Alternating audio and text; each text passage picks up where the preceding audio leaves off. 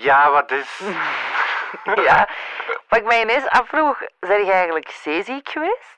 Nee, nee, helemaal niet. Ik was de enige die niet zeeziek was. En ik vroeg me af achteraf van, hoe kan dat dat ik niet zeeziek ben geworden? Maar ik kwam net uit Dancing with the Stars. En ik heb er zoveel pirouetten moeten draaien. dus ik, dacht- ik denk dat ik dat al gewoon was. Ik kon daar heel goed tegen. Ja. This is Moby Sick. Ik ben Ella Leijers. Toen ik naar Over de Oceaan zat te kijken, vroeg ik me heel de tijd af, zou dat iets voor mij zijn? Met vijf onbekende bekenden en een televisieploeg drie weken lang doorheen geschud worden op een oceaan. Weg van alles en iedereen, zou ik dat kunnen? En vooral, hebben ze alles er niet een beetje beter laten uitzien dan het echt was? In deze podcast ga ik dat onderzoeken. Hoe gevaarlijk dat eigenlijk is, zo'n overtocht. En hoe groot de kans is dat ik zee- of geestesziek word.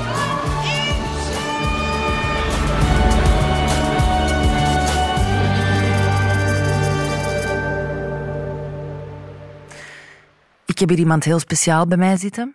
Speciaal geen, nog wel. Geen, de inleiding is nog bezig. Ah ja, sorry. Geen familie van Thibaut Courtois. Nee, echt heel veel mensen denken dat. Ik dacht dat zelf ook lang. Eh, Imke Courtois. Ja, dankjewel Ella. Maar eh, het is absoluut, ik ben dus niet de Nee. zus van Thibaut. Heb, heb je dat echt lang gedacht? For once and for all. Ja, het is u toch wel straf dat er twee op hoog niveau voetballende Courtoisen zijn. Courtoisen En dat die dan geen familie zijn van elkaar. Ja. Maar bon. Maar. Imke, even over de Moby Dick en zo. Moby pardon. pardon. Jij waart medic aan boord. Klopt. Was dat, was dat zwaar? Had daar schrik van? Ehm, ik, Dat moet- lijkt mij nogal een verantwoordelijkheid. Boah, ik was eerlijk gezegd heel blij met, met die functie, omdat ik, eh, ik had zelf wel ehm ergo gestudeerd en, en kine, dus ik dacht van oké, als er iets wat is wat een beetje binnen mijn vakterrein ligt, dan is het wel het, het medische. Maar de dag eh, dat we vertrokken, begon ik wel ineens te beseffen dat ik de enige aan boord was die eh, de beslissing moest nemen op vlak van ja, als er iets zou gebeuren of zo, als er iemand met een gigantische hoofdwonde of zou zijn. En ook... ehm, Wat als er iets met u gebeurt? ja, weet je... ehm, Dan moet jij zo half bij bewustzijn, zo, "Ah, nu moet je de scalpel pakken. Ik, ik had zo de, de- het, het meest drastische in mijn hoofd was als iemand ehm, een ontstoken appendix heeft, dat ik die zo zelf moet verwijderen met een scalpel, eh, terwijl die niet verdoofd is. Ik vond maar dat had gekund. dat had, ja, nee. Ik heb het toen uiteindelijk gevraagd aan de man die mij een opleiding heeft gegeven. En de clue was eigenlijk volsteken met antibiotica, zorgen dat die eh, ontsteking afremt. Eh, altijd ehm, contact leggen met iemand aan land die u medisch kan begeleiden wel.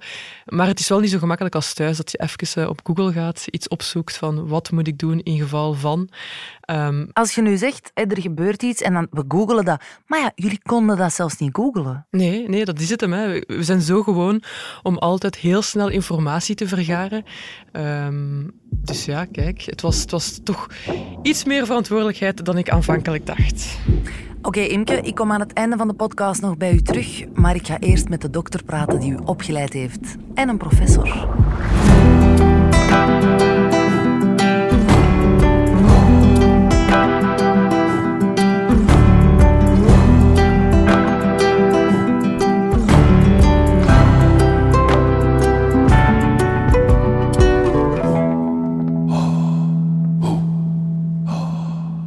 Dag professor Floris Wuits en dokter Rob Verbist. Goedemiddag. Goedemiddag. Ehm, ik ga even beginnen eh, bij u, dokter Verbist. Imke is bij u een opleiding komen volgen tot medic. ja. En eh, heeft ze talent? Dat denk ik wel, ja. ja, ja, ja. Was het een goede volgens mij, hè? volgens mij is die vooropgeleid, heeft hij kinesietherapie gedaan. Ehm, en dat geeft dus een zekere voorkennis. Anatomie, spierstelsel en die zaken. Dat lukt. Ja, dat ging eigenlijk heel goed. Het was een goede leerling. Absoluut. Wat denkt u dat iemand nodig heeft voor zo'n tocht eh, over de oceaan? Ja, dat is natuurlijk moeilijk. Hè? Bijvoorbeeld, in haar geval is dat een opleiding geweest van, als ik me niet vergis, twee dagen. Dus eh, een beetje theoretische achtergrond en dan wat praktisch oefenen op poppen. Ehm, en leren prikken, een, een spuit leren zetten, een, een hechting leren doen. Dat is kort. De mensen die de opleiding volgen aan de Hogere Zeevaartschool, die krijgen ongeveer 200 uur opleiding, waarvan 120 uur stage in een ziekenhuis. Het en idee... hoeveel van die uren heeft Imke geklopt? Twee. In, bedoel je stage? Geen. Ja? Ah, oké. Okay. Nul. Nul. U geeft les aan de Hogere Zeevaartschool, maar u bent ook de havendokter in de haven van Antwerpen. Ja. En ik weet niet goed wat ik mij moet voorstellen bij een havendokter. Wat doet hij allemaal? Um, behandelen van zeelieden. Dus wij doen alles wat drijft. Dus een schip dat binnenkomt in de haven en waar een zieke aan boord is en die heeft medische bijstand nodig, dan uh, mogen ze die naar ons verwijzen. Dus we ah, zijn eigenlijk de huisartsen van de zeeman. Daar begint het bij. En wat zijn de meest voorkomende ziektes op zee? Is dat, wordt u dan opgeroepen omdat iemand zich onwel voelt en ik heb een griepje? Of moet ik me dat echt inbeelden zoals een oorlogssituatie? Of is het een beetje de twee? Een beetje tussenin zeker, ja. uh, huisartsgeneeskunde. Je ziet alles wat je ook aan land ziet. Verkoudheden, griep, uh, maagpijn, rugpijn. Veel geslachtsziektes uh, Ik zou niet overdrijven hoor. dat, is, dat is heel sterk geminderd. Vroeger wel. Echt? Ja, eigenlijk uh, zagen wij heel veel SOAS, maar met HIV is dat sterk verminderd. En mensen die vandaag varen zijn hoog opgeleid, hebben veel te verliezen, hebben een, uh, een huis en een lening. Uh, en, en gaan zich. Enfin, ze hebben eigenlijk ook geen tijd meer om in, in havens weg te gaan en, en, en zich lazerus te drinken en s'morgens niet meer te weten waar ze nu precies geweest zijn. Het is echt een industrie geworden. En zijn er dan ook eh, mensen die exotische ziektes meebrengen? Dat wel. Ja, dus als je zegt, wat is er dan apart aan? We zien bepaalde pathologieën, we zien bepaalde ziektes meer dan aan de wal. Maar we hebben inderdaad regelmatig kans dat er eens een tropische ziekte tussen zit. Dus malaria bijvoorbeeld, dat vaart wel eens de haven binnen. Ja, dat klopt. Dus je moet daar altijd wel rekening mee houden. En het andere, het andere wat misschien verschilt uh, van de huisartspraktijk is dat wij toch ook nog wel wat uh, traumatologie zien, dus ongevallen. Dus, en dan soms zo mensen die hun schoen uitdoen en zeggen dat doen nu al een maand zeer. En dan bereikt die op, op drie plaatsen gebroken te zijn. Dat komt wel voor. Zijn zeebonken echte bonken of zitten daar toch ook wel watjes tussen? Uh, er zijn meer watjes dan bonken, je mag ja? gerust zijn. Ja, vooral als ze oh, bij de dokter moeten komen. Zo, spuitjes, ja? spuitjes krijgen. Uh, ja.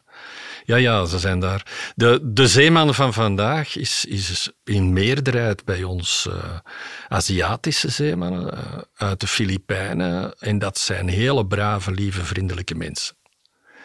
Dus dat is niet dat stereotype beeld van de, de grote struizen getatoeëerde hooligan. Ja, stel, er overlijdt iemand op zee. Hm? Moeten die dan dat lijk in een lijkzak steken en wachten op hulp? Of tot ze weer ergens aan land komen? Of hoe, hoe bewaar je dat? Of, ja, uh, in, in Antwerpen zeggen ze op een koude steen. Dus eigenlijk wordt een, uh, een lichaam bewaard rond 4 graden, zoiets. Um, er zijn lijkzakken aan boord, dat is absoluut juist. Die worden ook gebruikt. Maar dan moeten ze dat bewaren. En als dat langer is, dan hebben ze de neiging om die inderdaad in de diepvries te leggen. En dat, dat doen mensen dan ook? Wel, wij hebben dat ook niet zo graag, dat ze die diepvriezen. Maar uh, ze, ze blijken daar... Uh, die reflex zit er bij velen in, ja, om dat te doen. Man. Heeft u al veel overlijdens moeten vaststellen? Ja, dat gebeurt. Ja, er zijn dingen bij. We hebben dus een, een moord aan boord gehad, die, die zowat verdonkermaand werd. Dus uh, ik werd gevraagd om de dood te komen vaststellen. En was in de cabine lag het lichaam opgebaard en uh, echt prachtig gedaan. Het laken erover, een beetje teruggeslagen. De Bijbel open naast het bed. Plastieke bloemetjes op het laken enzovoort. En de handen gevouwen voor de borst. Maar net iets hoger dan dat je dat uh, verwachtte. Dus ik ben dan toch eens gaan kijken. Enfin, samen met een begrafenisondernemer. En het mes zat er nog in. Oh. Ja. Nee. Ja. ja. En Allee, ja, dat was te duidelijk.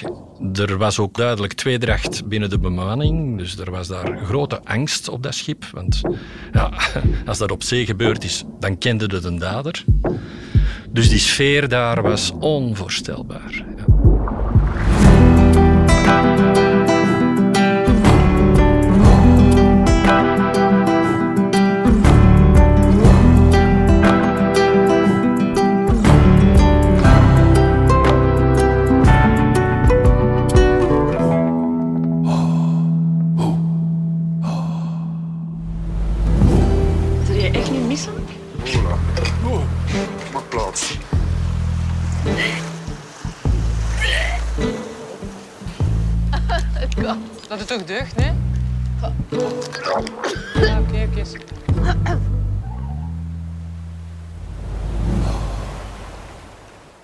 Heeft ook iemand meegebracht, professor Wuits. Ja. Kunt u hem even voorstellen? Die zeeziekte, ik ken daar wel iets van, uh, maar dat is, ik heb daar niet op doorgeleerd. Dus uh, dan ben ik op zoek gegaan naar, uh, hebben wij in het Antwerpse geen specialist op vlak van zeeziekte? En dan kom je, zonder dat je dat twee keer moet vragen, kom je automatisch bij Floris Wuits uit. Die wereldberoemd is in de wereld van de kinetosen of de bewegingsziekte. Dus ik heb daar over zeeziekte alleen maar van geleerd. En als er nu iets over zeeziekte gezegd moet worden, dan moet hij het maar doen. Wauw, professor Wijs, dat is een introductie die kan tellen. Ja, dat is, klopt. Dus ik ken zeeziekte. Maar welke andere ziektes zijn er dan nog? Allee, of bewegingsziektes, pardon. Bewegingsziekten is een verzamelnaam voor wagenziekte en zeeziekte en ruimteziekte. En eigenlijk is dat helemaal geen ziekte. We zijn perfect gezonde personen, zijn juist gevoelig voor zeeziekten eigenlijk. Het is een beetje een, een vreemde bewoording, maar ja, wij zijn niet gedesigned om in een vliegtuig of in een wagen of zoiets te zitten. We hebben honderdduizend jaar op de prairie rondgejaagd en weet ik veel wat. Dus ons systeem is niet gedesigned daarvoor. Dus dat is heel normaal. En de essentie van waarom dat je dan ziek bent, is eigenlijk simpel. We hebben een aantal sensoren. We zien de omgeving, we voelen hoe dat we bewegen met ons lijf. Als je in een auto versnelt, dan voelt je de zetel in je rug duwen eigenlijk. En dan dat evenwichtsorgaantje in het binnenoor, dat is een prachtig spul, dat meet elke beweging die je maakt met je lichaam. Dat moet kloppen. Dus hoe dat je ziet bewegen, moet kloppen met wat je voelt. Vandaar ook dat een chauffeur in een auto nooit wagenziek is. Maar de kinderen op de achterbank wel. Want die zien niet wat er gebeurt. En een bijkomend iets is, die kunnen niet anticiperen. Je verwacht wat je gaat gevoelen. En dat is eigenlijk wat er normaal een chauffeur doet. Dus als er verschil is tussen wat je verwacht en wat je ervaart, dan gaat het fout. Dus op een schip ook het beste dat je kunt doen als je een beetje last hebt van nausea, uh, zou mottig zijn. En naus is schip. Dus de, medische term voor misselijk en mottig zijn is grappig genoeg gebaseerd op uh, schepen. Dus als je last ervan hebt, dan, als je dan mocht sturen, achter het stuur staan, dan gaat dat al een stukje beter. Want dan kun je perfect inschatten van hoe dat je gaat op die volgende golf bewegen met een boot. En hoe komt het eigenlijk dat sommige mensen zeeziek worden en anderen helemaal niet? Wel, er is een, voor, een predispositie. Sommige vrouwen worden gemakkelijker zeeziek dan mannen. Toch jonge vrouwen, oudere vrouwen minder. Wanneer uh, is de overgang van jong naar oud? Waar zou u mij indelen? Ultra jong. Ach, zalig. Ja, um, ja nee. heel mottig ga ik zijn. Ja. Wel, uh, migraine kan er bijvoorbeeld een factor in spelen. Dus vrouwen met migraine zijn duidelijk gevoeliger voor uh, zeeziekte. Eens dat de puberteit voorbij is, dan gaat het al wat beter. Ja, ja. En tot op het niveau van ongeveer 30 jaar zijn mannen en vrouwen quasi gelijk qua gevoeligheid. Maar het anticiperen is superbelangrijk. Hoe kun je het detecteren? Zo snel mogelijk? Of zo vroeg mogelijk? Er zijn bepaalde testen die men doet uh, in, in laboratoria bijvoorbeeld. Dat is op een draaistoel zitten. En dan, terwijl dat je ronddraait, gewoon met het hoofd naar links of naar rechts of naar voor of naar achter bewegen. Dat is heel erg provocerend. Maar dat kunnen wel trainen. Dus je kunt uh, de, eerste, de eerste dag dat je dat doet, is na vijf seconden begint het al min of meer parelend uh, voorhoofd te hebben en zo wat bleekjes te zien. Als je dat een week lang doet, of, of twee weken lang, elke dag een beetje meer, uh, kun je je wel wat desensitiseren. Dat is trouwens wat ze ook doen met de, de cosmonauten. Dus bijvoorbeeld Frank de Winnen heeft dat er voor zijn ruimtevlucht uh, gedaan, omdat dat bij de Russen een klassieke manier is om u voor te bereiden op ja, die hele gekke toestand van ruimteziekte natuurlijk piloten ook, die is een opleiding ervaren dat ze als je in de cockpit zitten en ze, zijn aan het vliegen, ze vliegen in de mist, um, ja, dat ze dan overgeven. Dat is echt niet praktisch hè, op dat dashboard zo. Dus uh, die kunnen ook effectief op die manier desensitiseren. Dus kunnen wel wat erin trainen. We hebben het er ook eens over gehad, denk ik, dat uw focussen, uw concentreren ook wel helpt. Hè? Dus een taak waar uw hersenen zich op moeten toeleggen, dat leidt hen af van die heel veel prikkels tegelijk. die verkeerd geïnterpreteerd worden, want dat is uiteindelijk het conflict tussen wat je ziet of voelt en wat je evenwichtsorgaan aangeeft. En daar zit een beetje de knop van het verhaal, denk ik. Uh, of dat denken we toch. Ja, uh, en, een volle maag is beter dan een lege maag. Omdat... Ah, ik zou net denken omgekeerd. Ja, dat is wat tegen uw intuïtie. Maar um, je hebt energie nodig om al die dingen met elkaar te doen matchen. Om dat in ja. overeenstemming te brengen. Dus goed uitgerust zijn is belangrijk. Goede nachtrust belangrijk. En energie in je maag. Enfin, ten gevolge van je eten. En klopt het dat het na een paar dagen wel weggaat? Je brein is plastisch. neuroplasticiteit noemen we dat. Dus inderdaad, je brein begint te weten van hoe gaan die golven, hoe beweegt dat schip, leert die informatie met ermee om te gaan. En dat voor een stuk van ja, ermee rekening te houden en je bent dus daardoor aan het gaat gewennen. Dat is ook trouwens met cosmonauten en een astronaut in de ruimte. De eerste twee dagen zijn die echt behoorlijk misselijk en mottig. Ja, en daar overgeven is natuurlijk nog net iets lastiger, want je wilt toch echt niet het braaksel van je collega's in voorbij zweven. Dus ze zijn echt wel getraind om... Um, die hebben op hun schouder echt zo een, een kotzakje dat ze onmiddellijk kunnen pakken op, als ze het voelen opkomen. Want in de ruimte voelde dat veel minder snel opkomen dan op, op zee. Gelukkig, enfin, op zee voelde het iets gemakkelijker. Dus ze kunnen nog net tot aan de reling gaan voor ja, ja, ja. de over de rand te gaan overgeven. Uh, maar na die twee dagen is dat oké. Okay. Dat is trouwens wel de reden dat de uh, astronauten of cosmonauten geen ruimtewandeling mogen maken de eerste twee dagen dat ze in de ruimte zijn, de eerste twee, drie dagen. Om dat aan de binnenkant van zo'n ruimtepak overgeven, ja, dat is ook not done. Ah ja, oh nee. Ja, er zijn geen ruitwissers aan de binnenkant. En, maar vooral het ergste, en dat is een werkelijk probleem, ze kunnen stikken omdat hun braaksel eigenlijk de luchtfilters kan blokkeren. Dus ja, dat is... Er zijn natuurlijk ook pillen. Maar als je nu, zoals in Over de Oceaan, ze hebben dan de Atlantische Oceaan overgestoken in 21 dagen. Is het dan verstandig om 21 dagen zo'n pillen te nemen? Nee, in tegendeel. Nee, nee, dat gaat niet gewoon. Dat, uh... Want uiteindelijk, je hersenen moeten ook zich aanpassen op basis van informatie die ze krijgen. En als je scopolamine neemt, ja, dan wordt dat helemaal, heel het evenwichtsysteem platgelegd. Wat het ideaal is, omdat je dan geen conflict meer hebt.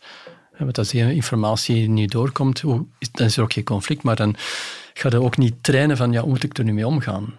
Het punt bij die, bij die medicatie is ook dat je die eigenlijk op voorhand moet nemen. Hè? Ja, dat van, van, het moment dat je misselijk bent, helpt het niet meer. Nee. Zul je echt niet missen? Niks. Switch the brain. Dominique zei in Over de Oceaan dat hij het mentaal uh, had overwonnen. Hij zei switch the brain. Kan dat ook? Ja. Ik heb ooit horen vertellen, maar dat is misschien meer anekdotisch, maar uh, ja, endorfines, uh, goed gevoelhormonen, zijn natuurlijk wel gunstig. Dus moppen tappen helpt wel. Samen zingen helpt ook omdat dat dan, dan leidt je af. Uh, dus dat is op zich niet zo gek. Je kunt op die manier wel een aantal, ja, oké, ook terug wat afleiden van aandacht. Als je natuurlijk op die boot stapt en zegt, ik ga ziek worden. Ik ga ziek worden.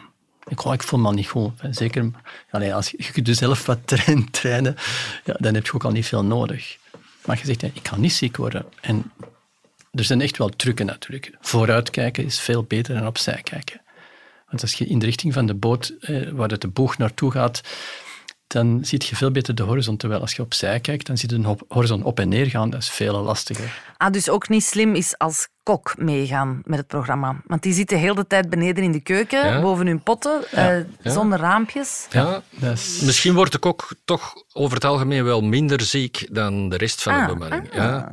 Ja. Een van Omdat hij afgeleid is. Ja, maar nog een argument. Een van de eerste studies die, die mij dertig jaar geleden eh, wat beïndrukt hebben, was, uh, het was trouwens een, een beetje een, een gekke studie, was een Engelse prof. En die had op de ferries die tussen het vasteland en Engeland varen de oppervlakte en de volume gemeten van het braaksel. Aan die hoeveelheid, ja, en aan, aan die hoeveelheid konden ze dan eigenlijk meten hoe ziek de mensen waren. En tegelijkertijd hadden zij toestellen aan boord die de bewegingen van het schip registreerden. En uit die studie heeft hij afgeleid dat de op- en neergaande beweging, de verticale versnelling of de verticale beweging, dat dat eigenlijk de grootste oorzaak was van zeeziek worden. En dus de kok, en in het geval van Dominique, midscheeps is er het minste beweging.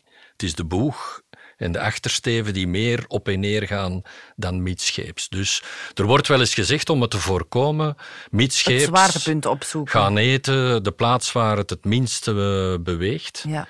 Ehm, dus dat is, dat, daar zit eigenlijk wel een punt. Maar ja, ik, ik zeg het, ik, je moet dat bevestigen, want ik... Nee, maar het klopt. Het, klopt, het, Ehm, het is zelfs zo dat je, als je een vis neemt in een bokaal en je beweegt die bokaal op en neer aan een bepaalde frequentie, dat dus die vis zeeziek wordt in zijn eigen aquarium.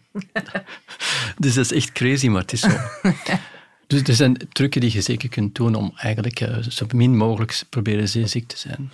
En dan hadden wij onder elkaar al uitgevonden. Ik heb, ik heb inderdaad ook zo'n vriend. Als hij ziek is, dan gaat hij midscheeps op zijn rug liggen. Ja.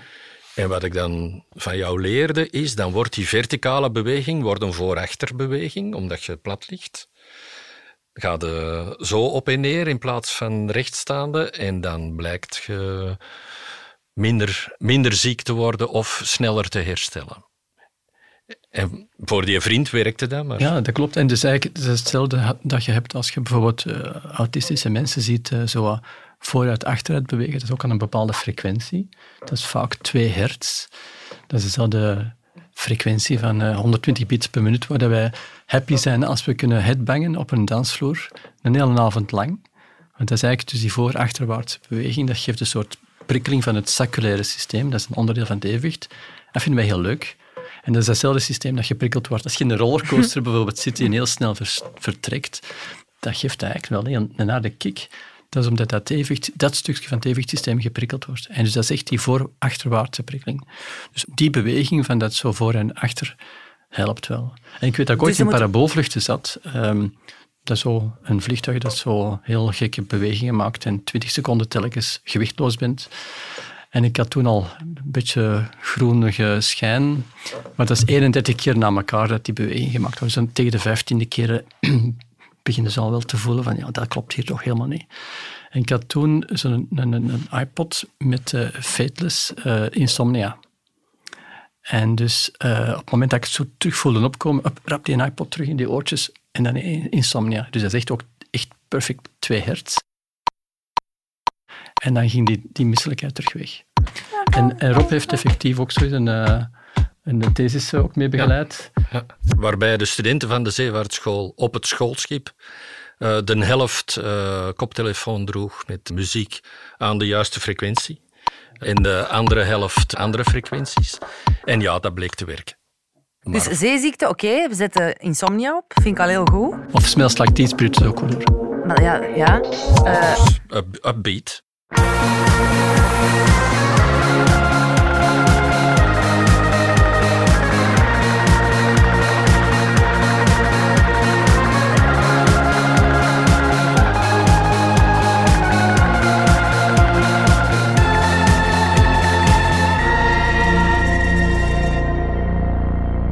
Sommige mensen worden gek op zee. Kan dat ook door zeeziekte zijn? Of is dat eerder ook te wijten aan een isolement, waardoor dat mensen dan helemaal... Er is eigenlijk een syndroom, dat noemt SOPIT-syndroom, SOPIT. Um, en dat valt een beetje samen met zeeziekte. Maar wat dat daar essentieel aan is, dat je echt volledig bijna van de wereld bent. Je wordt agressief. Je kunt totaal niet meer focussen. Je kunt je niet meer concentreren. Je kunt dus ook niet meer werken. Of je concentreren op wat je aan het doen bent. Dus dat is echt een operationeel probleem. Dat verandert bijna echt je persoonlijkheid. En dat noemt men SOPIT-syndroom. En dus dat is een gevolg van ja, zeeziekte. Uh, ik heb het ene keer ervaren, niet zelf, maar een de persoon die was mee gaan vliegen tijdens zo'n paraboolvlucht, die begon echt... Dat was een heel brave, lieve journaliste. Die moest ook interviews doen tijdens de vlucht van, van andere groepen. En dus die kreeg dat SOPIT-syndroom. Die wordt daar kwaad en agressief. En dat was echt helemaal niet zo fijn. En ze zei, ja, ik kon er niks aan doen. Nadien, ik kon daar niks aan doen. Ik, uh, dat overviel mij. Ik kon mij totaal niet beheersen. Ja, dat was echt wel uh, heavy. is momenteel in de beroepsvaart ook een issue. Het mentale welzijn van de mens. Het heeft ook iets te maken met de stress en de druk en het drukke leven. Het, uh, je mag de parallel met, met burn-out syndroom en zo trekken, maar we maken ons daar inderdaad wel wat ongerust over. Omdat we dat wel vaak zien bij zeelieden. Ik denk dat je niet mag onderschatten dat er eigenlijk altijd wel een factor angst aanwezig is. En ik bedoel daarmee niet zozeer de angst voor de storm en voor het slechte weer, maar hier en daar kruipt dat er toch wel in. Allee, de zeeën zijn niet veranderd, dus mensen worden nog altijd wel een beetje ongerust als de weersomstandigheden heel slecht zijn. En dan wat er vandaag de dag zeker ook een rol speelt, is alles is geautomatiseerd. Alles wordt via computers eh, gestuurd enzovoort. Maar je moet heel goed inzicht hebben in wat die systemen allemaal doen en kunnen. Om niet een klein beetje daardoor overweldigd te zijn en daarbij te staan van ja, en als er nu iets gebeurt, wat, moet ik dan doen? En wij hebben wel het gevoel dat die, dat die, die druk daar wel voor zorgt. Maar dokter Boombaar die heeft dat ook beschreven bij um, een ramp uh, scheepsramp, waarbij heel veel mensen in het water terechtgekomen zijn. En eigenlijk uh, bleek achteraf dat er heel veel mensen verdronken waren omdat ze in pure paniek geraakt waren. Ja, dat, uh, dat, dat, werd dan terreur genoemd, maar nu noemen wij dat paniek of gegeneraliseerde angst. En wat opviel was dat volwassenen ehm, verdronken waren en heel veel kinderen gered waren. En dus in, in die extreme omstandigheden heb je als volwassene zoveel dingen die je, die je overmeesteren, dat een kind dat veel onschuldiger en naïver is, op dat moment blijkbaar meer kans heeft om te overleven.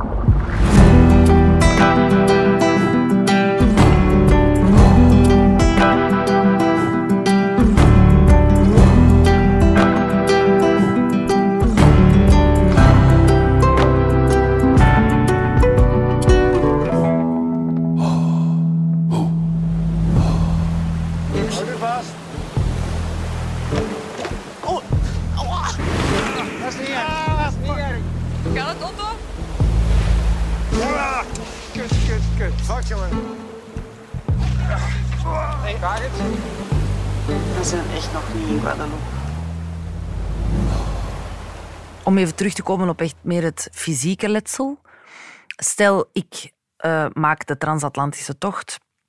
Wat zijn reële gevaren die dan dreigen? Of wat zijn de meest voorkomende problemen die ik zou kunnen tegenkomen? Alles wat uitsteekt, raakt ergens tussen. Voilà. Dus uw vingers, uw handen, uw voeten, het geraakt ergens onder, het geraakt ergens tussen. Dat is wat wij zien. Ah ja. Ik dacht misschien al te ver. Ik zat zo bij een appendix. Of zo. Ja, dat komt ook voor. midden op de oceaan. Net in het midden zijn. Ja, midden, op, midden op de dat is toch heel acuut, ja. een appendicit. Oeh, kunt je je appendix preventief laten verwijderen? Ja, uh, en nee. Ik denk niet dat er veel chirurgen gaan zijn die zeggen: Ah ja, dat doe ik wel even. Maar als ze zo voor een andere gelegenheid ooit eens in uw buik moeten zijn, kun je misschien wel overleggen van... Ja, pak dat dan ineens ook maar mee. Ik zou zeggen dat misschien astronauten en cosmonauten meer kans maken dan men daar ja op zegt. Maar ik weet, ik weet dat dat al gebeurd is bij zeemannen, ja, om dat preventief te doen. Toch wel? Ja, maar er is daar wel evolutie in. Uh, al een aantal jaren merken we in afgelegen gebieden en zo dat behandelingen van mensen met uh, duidelijke tekens van appendicitis uh, behandeling met antibiotica uh, eigenlijk ervoor zorgt dat die ontsteking terug wat afkoelt en dat we tijd winnen. En dat we zelfs zo ver gaan dat als er dan medische hulp is en die mensen in het ziekenhuis terechtkomen, het niet meer nodig is om ze nog te opereren. Imken heeft Dominique zeewater gegeven. Maar ik denk dat ze ORS uh, ehm, een pakje, zout en zo, en dat ze dat in zoetwater had moeten um, ja, dat ze dat glas met zoetwater zou hebben moeten vullen, maar ze heeft dat met zeewater gevuld. Maar heeft dat wel helemaal opgedronken. Ja. Is dat eigenlijk schadelijk, zeewater drinken? Uh, het, is, het is misschien niet echt verstandig. Er is daar veel onderzoek naar gedaan al. Er zijn al mensen die dat geprobeerd hebben. Er is een beroemde Franse dokter, uh, Alain Bombard, uh, die na de Tweede Wereldoorlog, dus is echt al wel lang geleden, de oceaan is overgestoken in een opblaasbootje. Dat was toen nieuw, een rubberen bootje met lucht in. En dat noemt in Frankrijk nog altijd een bombard. En die man is uh, in 65 dagen de oceaan overgeraakt, zonder proviand. Die had eigenlijk niet veel bij. En die heeft zich in leven gehouden door vissen te vangen ehm, en die op te eten, maar ook die helemaal leeg te knijpen. En dat vocht van die vissen, dat dronk hij. En hij ving wat regen op en hij dronk ook dat regenwater. En dan dronk hij kleine hoeveelheden zeewater. Maar in zijn conclusies, uh, na de oversteek, heeft hij dan toch eigenlijk gesuggereerd dat het mogelijk was. Uh, ja, hij was het bewijs. Uh, maar dat het niet verstandig was. Ehm, en dat het innemen van zeewater moest beperkt worden tot zo klein mogelijk hoeveelheden per dag. En hij heeft dan gedefinieerd maximaal 1 liter in, in, in moeilijke omstandigheden.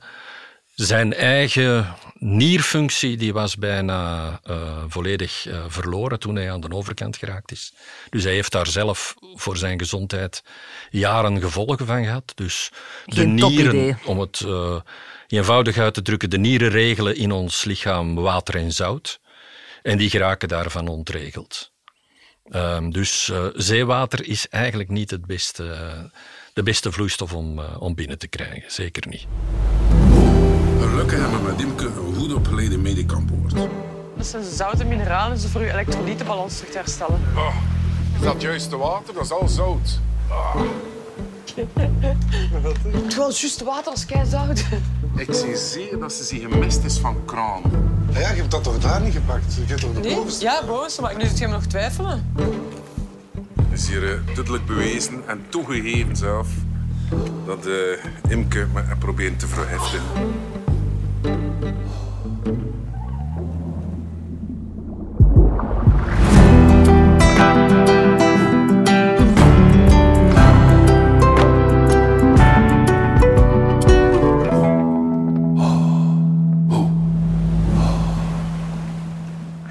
Wat was dat eh, van dat zeewater, zoetwater? ja, nee, sorry dat ik dat nu moet vragen, want misschien vraagt iedereen dat. Ja, nee. Wat is daar nu juist gebeurd en was daar kwaad opzet in het spel of niet? Kijk, Even, recht van antwoord. Kijk, het is uw moment. Het begon allemaal heel goed, want ik had net voordat we vertrokken nog gedacht aan um, we moeten iets meenemen als iemand heel veel overgeeft. En dan moet je zoiets hebben dat je kalium, je zout en dat alles terug op punt staat. Dus ik dacht van, goede zet, Imke. Um, ah, Oké, okay, jij beslist om dat ja, mee te nemen.